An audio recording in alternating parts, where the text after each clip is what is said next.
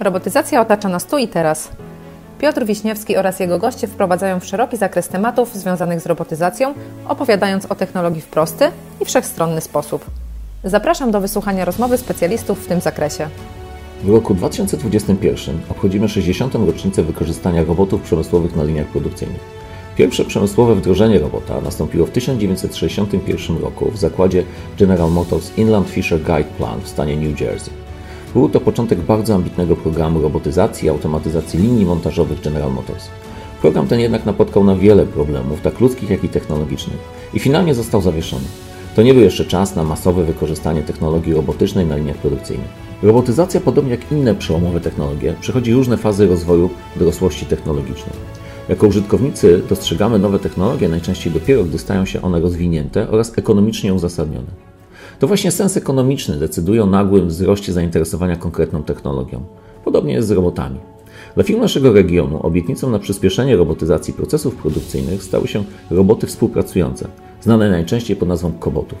Ich niższa cena, duża dostępność oraz łatwość montażu sprawiać mają, że przedsiębiorcy sięgający po nie szybko mogą zrobotyzować produkcję. Ale czy faktycznie jest to tak proste? Między innymi o zastosowaniu robotów współpracujących oraz ich zaletach i wadach rozmawiałem z Piotrem Świderskim. Piotr od wielu już lat zajmuje się praktycznymi aspektami robotyzacji. Absolwent Wydziału Mechatroniki Politechniki Gdańskiej. Blisko 9 lat programował oraz uruchamiał roboty dla wielu europejskich zakładów produkcyjnych, w tym przede wszystkim montowni samochodów osobowych. Ekspert do spraw robotyzacji platformy przemysłu przyszłości. Obecnie skupia się na wykorzystaniu technologii rzeczywistości rozszerzonej oraz algorytmów AI w obszarze przemysłowym. Zapraszam na spotkanie z Piotrem Świderskim. Witam Cię Piotrze ogromnie gorąco w kolejnym odcinku e, RoboSapiens. Dzisiaj naszym gościem jest Piotr Świderski, entuzjasta świata, świata robotów. E, dużo ostatnio artykułów na Twoich kanałach widzimy i mam ogromną nadzieję na ciekawą rozmowę.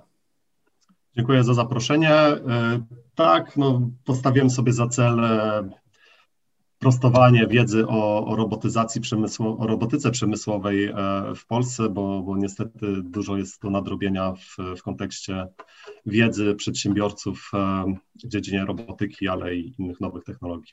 Dobra, słuchaj, zanim pójdziemy głębiej w to, dlaczego koboty i dlaczego które koboty i co koboty nam dają i czy Polska jest na nie skazana, opowiedz nam proszę kilka słów o tym, e, jak trafiłeś do świata robotów. Czemu akurat ten kawałek nowej rzeczywistości biznesowej, digitalnej Ciebie zainteresował?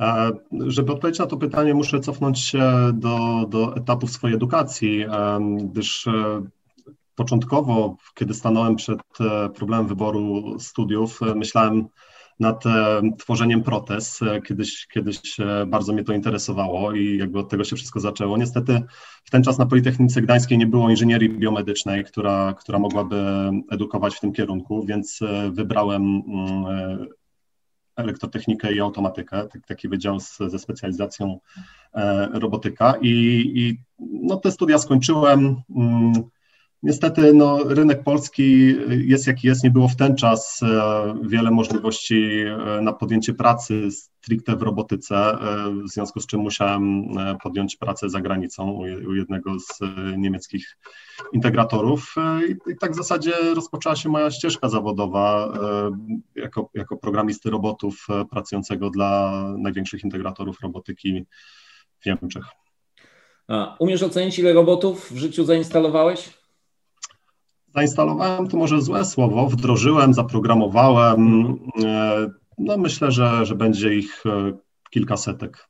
No widzicie, ja domyślam się, że w Polsce naprawdę niewiele osób ma takie doświadczenie i pewnie ta, to doświadczenie jest e, no właśnie tym, co pozwala traktować Piotra jako, jako eksperta. Dotarłem niedawno do ciekawych informacji. Otóż dane pokazują, że w 2020 roku sprzedano na świecie kobotów o których dzisiaj sobie więcej poopowiadamy, za około 1 miliard e, dolarów. Natomiast ocenia się też, że do 2026 roku rynek ten, ten będzie rósł blisko w tempie 42% rocznie, osiągając prawie 8 miliardów dolarów w 2026 roku. Co ciekawe, pozostawiając te liczby z prognozami wzrostu rynku robotów przemysłowych, tych tradycyjnych rozwiązań, e, gdzie specjaliści mówią o tym, że rynek ten rósł będzie na poziomie 13% rok do roku, no to różnica jest gigantyczna. Proszę, opowiedz nam troszkę o tym dla, dla tych, którzy na co dzień się nie zajmują bezpośrednio samymi integracjami. Czym się różni kobot od tradycyjnego robotu, robota przemysłowego w zastosowaniach, w budowie, może w wykorzystaniu? I spróbujmy rozkminić, jak to się dzieje, że koboty podbijają dzisiaj świat. E, dlaczego tak się dzieje? Trochę, trochę właśnie opowiadałem, czy pisałem w tych e, artykułach, e, które, które, o których mówiłeś na swoich kanałach informacyjnych.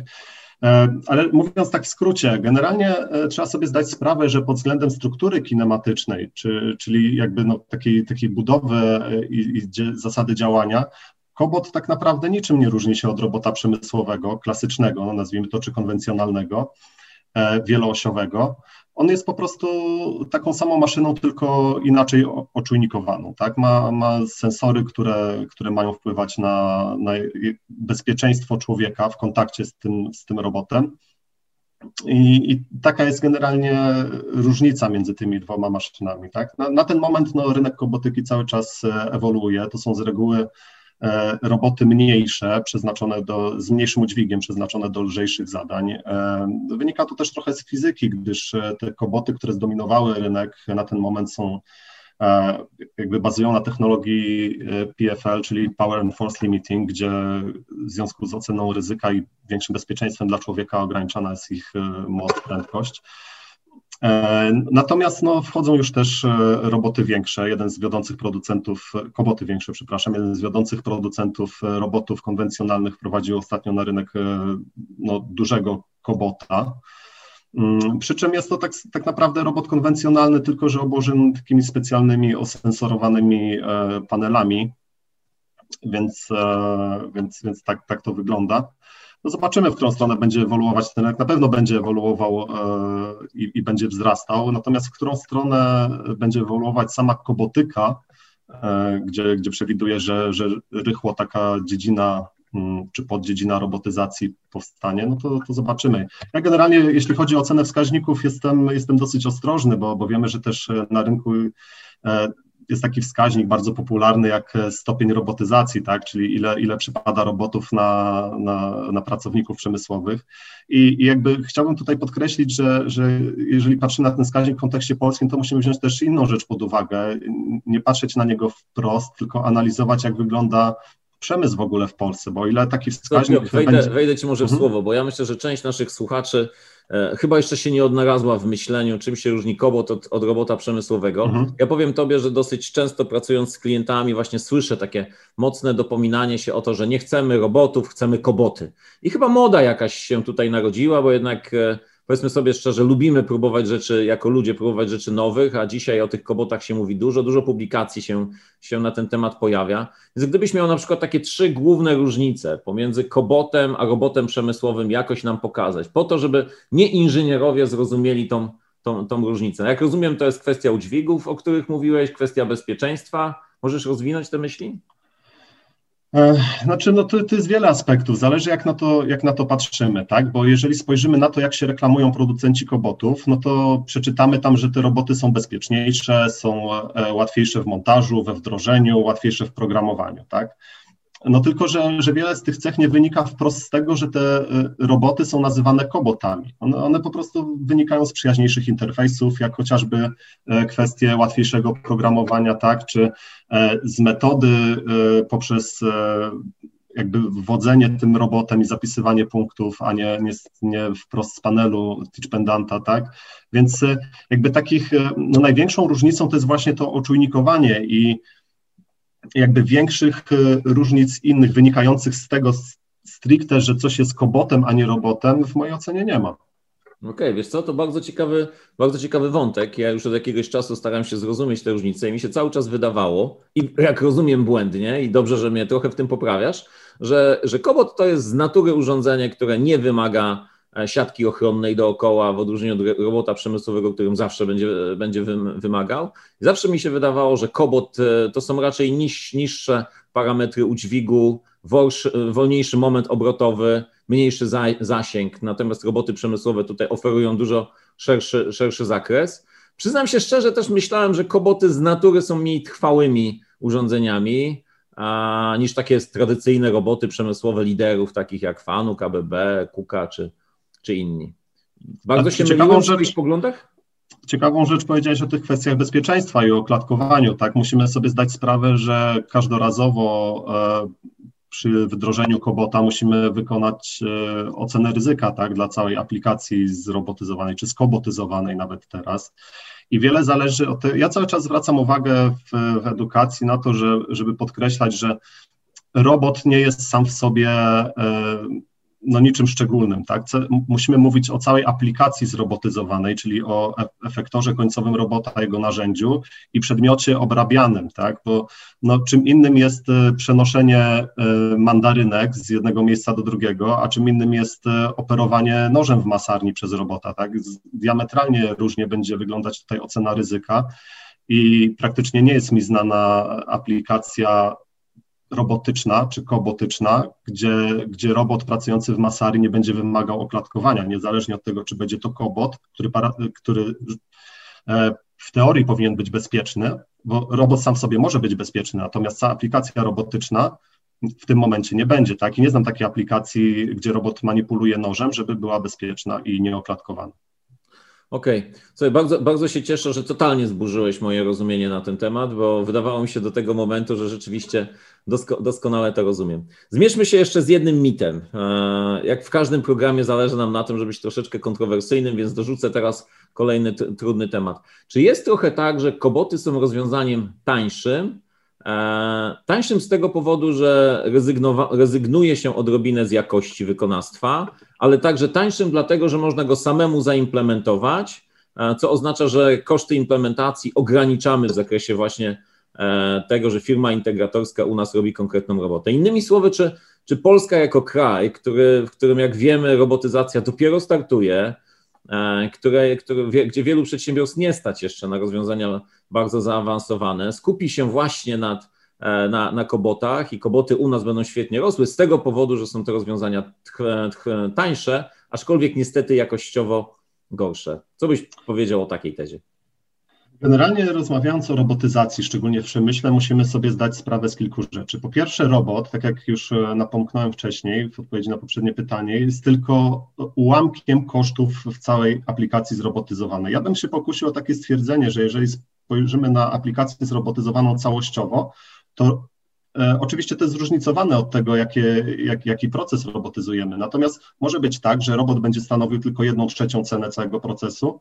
Narzędzie, na przykład bardzo drogi system wizyjny, będzie stanowił kolejną jedną trzecią, a usługi integratorskie, bo to nie tylko programowanie robotów, ale także instalacja tego robota, bo, bo przecież trzeba zapłacić firmie mechanicznej, e, cały, cały projekt, powiedzmy, symulacja offline i tak dalej, będą stanowiły kolejną jedną trzecią ceny, tak? Więc e, może się okazać e, koniec końców, że, że robot w tym wszystkim jest nawet najtańszy. I, i tu jest też e, właśnie prawda o tym, że, że koboty w tym całym procesie no, mogą być tanie. Natomiast no, pytanie o jakość to jest pytanie do producentów. Tak? No, trzeba, porównując ceny kobotów pomiędzy wiodącymi producentami, trzeba sobie zdać, zadać pytanie, dlaczego robot, kobot u jednego producenta E, o podobnych parametrach kosztuje 100 tysięcy euro, a u innego 30 tysięcy euro, tak? Z czego to wynika? E, nie wiem, ja na to pytanie nie chcę odpowiadać, bo to jest pytanie do, do producentów, dystrybutorów. E, mam swoją teorię, ale no nie jestem upoważniony, żeby, żeby tak daleko w te tematy wchodzić. Natomiast mówię cały czas, że w aplikacji robotycznej ja tak trochę mówię zawsze, że porównuję robota do, do wózka widłowego, tak? Że, że robot nie jest sam w sobie tym, na czym powinniśmy się naprawdę skupiać, tylko powinniśmy się skupiać na tym procesie, który robotyzujemy, czy ten robot będzie do danego procesu odpowiedni, tak? E, no, trzeba brać tu kilka aspektów pod uwagę, prędkość e, i tak dalej, i tak dalej, więc e, co, przede wszystkim co chcemy osiągnąć wdrażając robota, tak? Tak, ja też myślę, że ja myślę, że dotknąłeś bardzo ważnej rzeczy, bo oczywiście jeżeli kobot, koboty niektórych dostawców, bo dostawców europejskich czy światowych mamy już, już kilkunastu takich dobrze rozpoznawalnych. W Polsce oczywiście głównie jednego, ale, ale na rynku europejskim jest, jest, jest ich więcej. Więc jeżeli decydujemy się na zakup robota i o tym w innych naszych odcinkach RoboSapiens e, mówimy, no to oczywiście decydujemy się na to, że inwestycja będzie, będzie niższa, zatem pierwszy wydatek w, w, tym procesie inwestycyjnym będzie niższy, natomiast zgodzimy się wtedy w pewnej mierze na to, że decydujemy się na rozwiązanie, które może być albo wolniejsze, mniej efektywne, albo niestety niestabilne. Ja przyznam się, e, zarządzając firmami przez mnóstwo lat, odkrywam, że jeżeli coś jest długo na rynku i długo spełnia swoje wymogi, to najprawdopodobniej już e, dostawca tego rozwiązania był w stanie się go dobrze nauczyć i dobrze go usprawnić. Koboty są dosyć nowe na rynku i nie mamy jeszcze wieloletniej, tak jak na przykład w przypadku robotów przemysłowych blisko 40-letniej, historii obserwacji. Więc może się okazać, że rzeczywiście te, te jakościowe problemy, o których na wstępie chciałem troszeczkę e, dolać oliwy do ognia, one dopiero są przed nami. Tak? Te firmy, które decydują się dzisiaj na roboty, będą widziały efekt ich trwałości za lat 5 albo 7, no jak one tyle czasu będą właśnie u dostawców. Ja chciałbym zwrócić uwagę na jedną rzecz. E, niestety albo stety, no bo tych mechanizmów e, ekonomicznych, które decydują o tym, czy inwestować, czy nie inwestować jest kilka. Natomiast cały czas patrzymy na return on investment i Okay, koboty jako takie mają ten, ten współczynnik dobry. Natomiast zwróćmy uwagę na jedną rzecz. Roboty same w sobie, jako technologia, są w stanie funkcjonować przez x lat. Ja znam takie roboty, które po, przy dobrym serwisie funkcjonują przez około 20 lat. I teraz pytanie, czy wdrażając w tym momencie w naszym przedsiębiorstwie kobota, który z założenia jest wolniejszy, bo musi taki być, żeby spełnić warunki bezpieczeństwa, e, czy te, ten return on investment, który e, no, będzie po tych dwóch latach tak, zadowalający, czy w perspektywie przedsiębiorstwa na, na pewno powinien być najważniejszym czynnikiem? Bo wyobraźmy sobie taką sytuację. Dzisiaj wdrażamy kobota, który za, zapewni nam e, wydajność, którą, którą oczekujemy, tak, z takimi, e, wyeliminuje wąskie gardła powiedzmy, ale za dwa lata może się okazać, że chcemy ty, czegoś produkować więcej, tak, i ten kobot sam sobie stanie się wąskim gardłem, ponieważ e, inne, inne części zakładu będą e, mogły produkować, e, nie wiem, ze 150, znaczy ze 150% wzrostem. I teraz ten kobot będzie wąskim gardłem. Czy nie, nie warto spojrzeć, wprowadzając kobota dzisiaj, na to, na potencjalny wzrost wydajności w przyszłości i już dziś zainwestować w robota konwencjonalnego, który będzie mógł sprostać zapotrzebowaniom produkcyjnym za powiedzmy 3 lata, tak, przy rozwoju przedsiębiorstwa. To są pytania, na które trzeba wdrażając w ogóle roboty czy nowe technologie ogólnie e, sobie odpowiadać. Ja myślę, że, że, że ci z naszych słuchaczy, którzy e, już zaczynają rozróżniać e, te, te terminy dosyć mocno i zastanawiają się nad robotem, właśnie pomyśleli, o, robot klasyczny, jednak nie kobot. Więc ja może rzucę teraz piłeczkę w drugą stronę i powiem tak. E, umiałbyś porównać koszt integracji uruchomienia na stanowisku robota klasycznego versus właśnie tą mobilność, którą daje nam E, dosyć swobodna konstrukcja i, łatwa w implementacji i chyba łatwiejsza w programowaniu także e, robotów, e, robotów klasy Cobot. Znaczy to wszystko będzie zależeć od konkretnego przypadku, tak?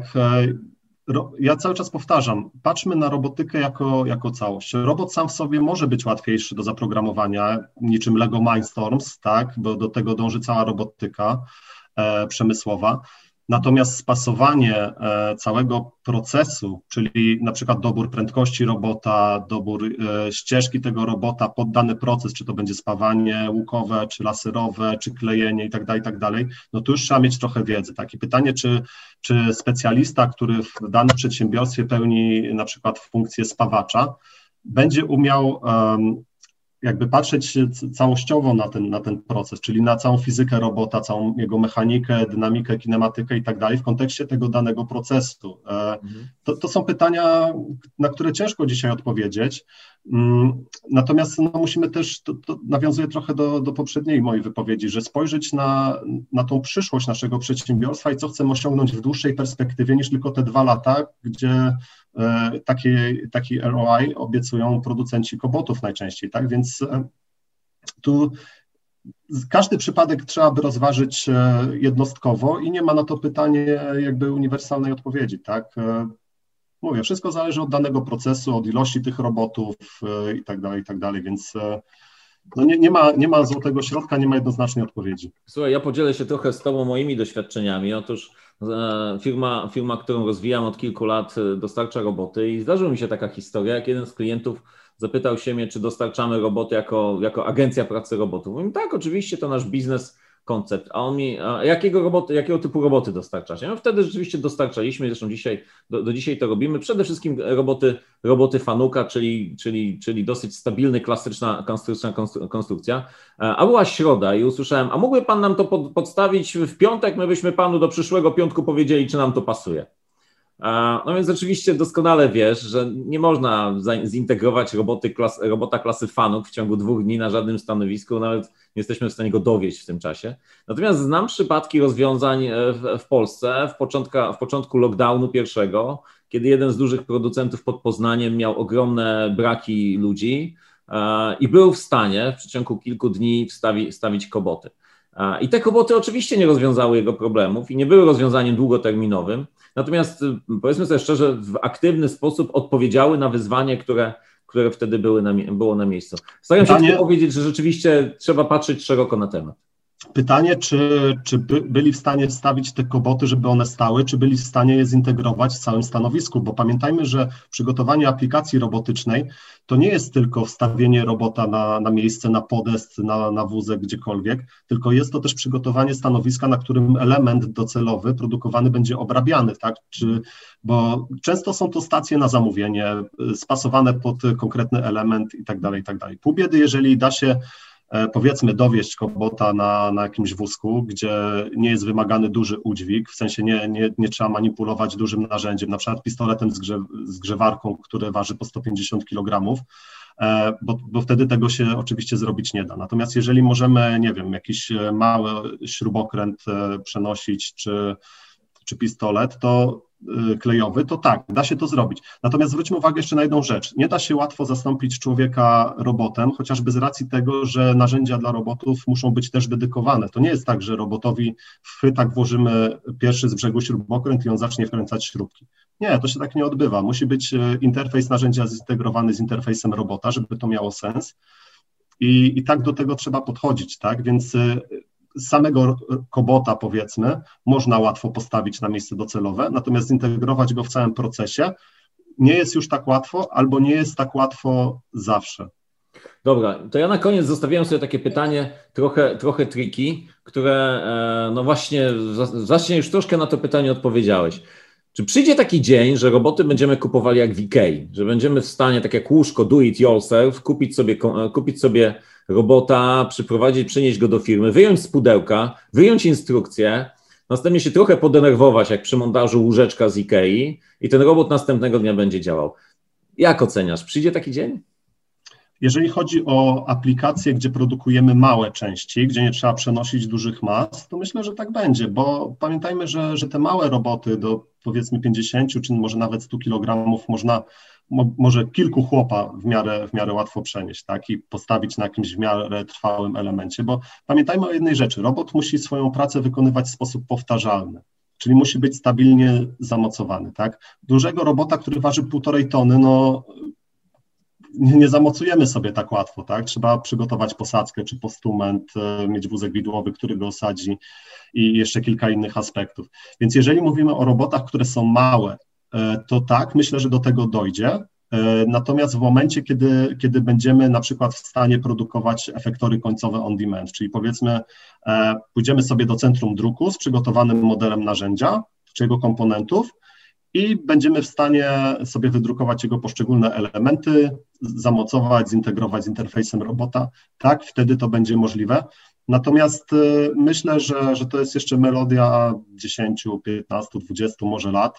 Zobaczymy. Myślę, że nawet dojdzie do tego, że, że algorytmy sztucznej inteligencji, wiedząc jaki element będzie obrabiany, co z nim będzie się działo, czy będzie przenoszony, cięty, spawany, cokolwiek, będą w stanie same przygotować narzędzie, zamodelować narzędzie do właśnie obróbki tego elementu. Do, dość powiedzieć już tak na koniec, że dzisiaj są aplikacje spawalnicze, gdzie robot sam wy, wykrywa, czy, czy system wizyjny wykrywa mm, miejsce, gdzie, gdzie musi zostać naniesiony spaw i dostosowuje do tego ścieżkę robota, więc to już się powoli dzieje. Natomiast, żeby te rozwiązania były uniwersalne, to myślę, że musimy jeszcze, jeszcze poczekać i w małej robotyce, nazwijmy to, będzie to możliwe, natomiast w dużej robotyce, no nie jestem do tego przekonany. Piotrze, na koniec opowiedz nam, e, jakie naj, najbliższe plany zawodowe masz i, i, gdzie można Ciebie spotkać. Ja bardzo e, śledzę i podziwiam Twoją, e, twoją działalność edukacyjną. Wiemy doskonale, że, że, że każda nowa inicjatywa, a w Polsce robotyzacja jest nową inicjatywą, wymaga szerokiej edukacji. Bardzo się cieszę, że, że wraz z nami tą edukację starasz się realizować. Opowiedz nam, czym się teraz zajmujesz, czym zamierzasz się zajmować i gdzie można Ciebie spotkać. E, przede wszystkim udzielam się jako ekspert w zespole eksperckim Fundacji Platforma Przemysłu Przyszłości, gdzie staramy się właśnie edukować i, i wspierać e, małe i średnie firmy, szczególnie duże, duże też, e, w dążeniu do, do wdrażania idei przemysłu 4.0, czy nawet przemysłu przyszłości, bo te, ten przemysł 4.0 to już dzisiaj jest pewnie 4,5, a nie, zaraz będzie i 5, więc jakby od tej nomenklatury w mojej ocenie trzeba odchodzić, więc mówmy o przemyśle przyszłości. E, więc tam jestem, jestem e, członkiem grona, grona ekspertów, e, a zawodowo powoli przymierzam się do tego, żeby, żeby przejść trochę w inną gałąź. Na razie nie chcę tego, tego zdradzać, natomiast też związaną z nowymi technologiami. Robotyka już jest trochę, no widzisz, u nas się ją rozpatruje w, jak, jako nową, natomiast na świecie robotyka już jest dobrze poznaną, nie powiem starą, bo cały czas rozwojową, ale dobrze poznaną dziedziną. Ja chcę spróbować czegoś bardziej rozwojowego, czegoś nowszego, mm, myślę, że przyszłościowego i mam nadzieję, że też to połączę ze swoim doświadczeniem w robotyce, ale o tym już niebawem. A znaleźć mnie można i polecam moje publikacje na, na LinkedIn.